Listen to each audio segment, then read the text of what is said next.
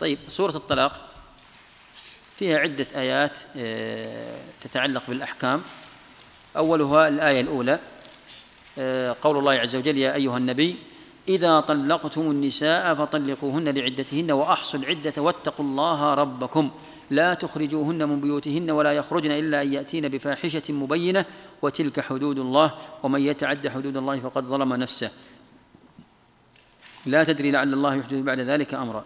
أولا الطلاق شرعه الله عز وجل لأسباب وهو عدم استدامة العشرة بين الزوجين وجعل هناك عدة خطوات قبل أن يقع الطلاق. يعني ليس للرجل أنه إذا وجد أن امرأته يعني ساءت العشرة معه أو قصرت في شيء أن يطلق الطلاق مباشرة لا.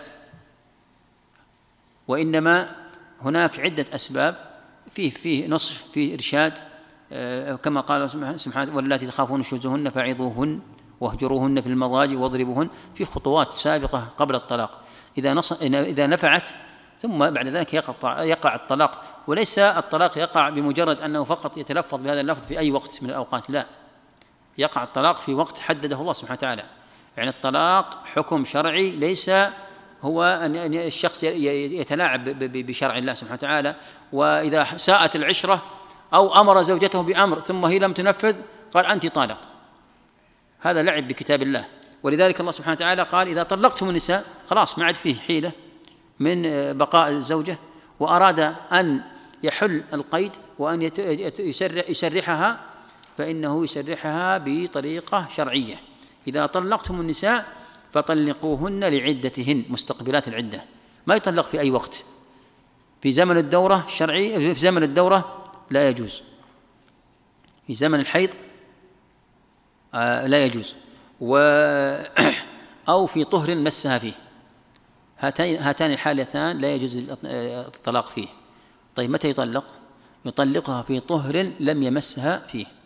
بمعنى أنها إذا إذا إذا إذا عزم على طلاقها فإنه يطلقها بعد أن أن أن تطهر من الدورة تطهر من من الحيضة ثم آه، تستقبل طهر جديد ولا يمسها فيه فيطلق. أما أن يطلق في في الحيض فإن هذا طلاق محرم. يقع نعم يقع. يقع الطلاق ويحرم ويأثم على فعله. إذا طلقها في طهر جامعها فيه أيضا لأن قد تحمل وتطول عليها المدة. آه، فلذلك حرم الله سبحانه وتعالى. قال طلقوهن لعدتهن أي مستقبلات العدة. مستقبلات مجيء الحيض بمعنى طهر لم يمسها فيه. قال وأما ما سوى ذلك فهو بدعة. إلا أن تكون حاملا فيجوز لأن الحامل آه، يجوز أن يطلقها. قال آه لعدتهن وأحصوا العدة دقق وأحصي عدتها. إذا طلقتها أعرف متى طلقتها في أي ساعة وفي أي يوم لأن لها عدة وهي هي مطالبة بأن تحصي العدة وهو مطالب. لأن هذه المدة مدة التربص لا بد أن حتى إذا انتهت المدة خرجت هي من العدة فلا يملكها فلا يملكها الزوج. وأحصوا واتقوا الله رب قال لا تخرجوهن. هذا الحكم أيضا في حكم إخراجها. هل يجوز إذا طلق الرجل امرأته أن يقول اخرجي من بيتي؟ أو هل يجوز للمرأة إذا طلقها زوجها أن تقول خلاص أنا بأخرج وتتصل على أهلها أو على أخيها وتقول خلاص أنا لا أبقى معك؟ هل يجوز لها أن تخرج؟ وهل يجوز لها له أن يخرجها؟ نقول لا يجوز. لماذا؟ لأن الله قال لا تخرجوهن من بيوتهن. ولا يخرجن. لا تخرجوهن أنتم ولا هن يخرجن من بيوت إلا أن يأتين بفاحشة إلا أن يأتين بفاحشة مبينة كالزنا أو نحوه أو المقدمات أو نحو أو تكون سليطة اللسان. تؤذي الزوج بلسانها أو تؤذي أهله. أحيانا تكون الزوج قد يعني آه، مقيم مع مع أهله. فتبدأ يعني تؤذيه وتؤذي تسب أمه وتسب أباه وتسب أولاده وتسبه وتؤذيه بسلاطة اللسان ففي هذه الحالة يخرجها ويأمرها بالإخراج إلا أن يأتين بفاحشة مبينة. طيب لماذا؟ لماذا لا تخرج؟ ولماذا لا يخرجها زوجها؟ لماذا تبقى في بيت الزوج؟ لأنها زوجة. طلاق رجعي هذا ليس طلاق بائن. أما الطلاق البائن نعم تخرج. الطلاق الرجعي يجب عليها أن تبقى في بيت زوجها. طيب تبقى في بيت زوجها لماذا لا تخرج؟ لماذا لا يخرجها زوجها؟ قال الله عز وجل بعدها لا تدري.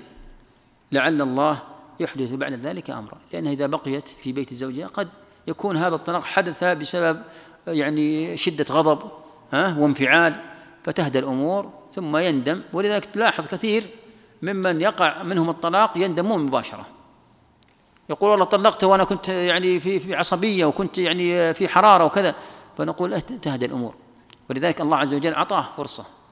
مدة التربص تصل أحيانا إلى ثلاثة أشهر. فتبقى الزوجة في بيت زوجها هذه المدة كلها لعل الله يحلم ذلك أمرا ثم ترجع الأمور وتهدى قد يكون بينهما أولاد فترجع الأمور بسبب مثل هذه الأمور. والشيطان قد يحضر عند منازعة الرجل مع امرأته وقد يكون يعني يسبه وتسبه ثم يعني يقع ثم يندم هو أو هي تندم.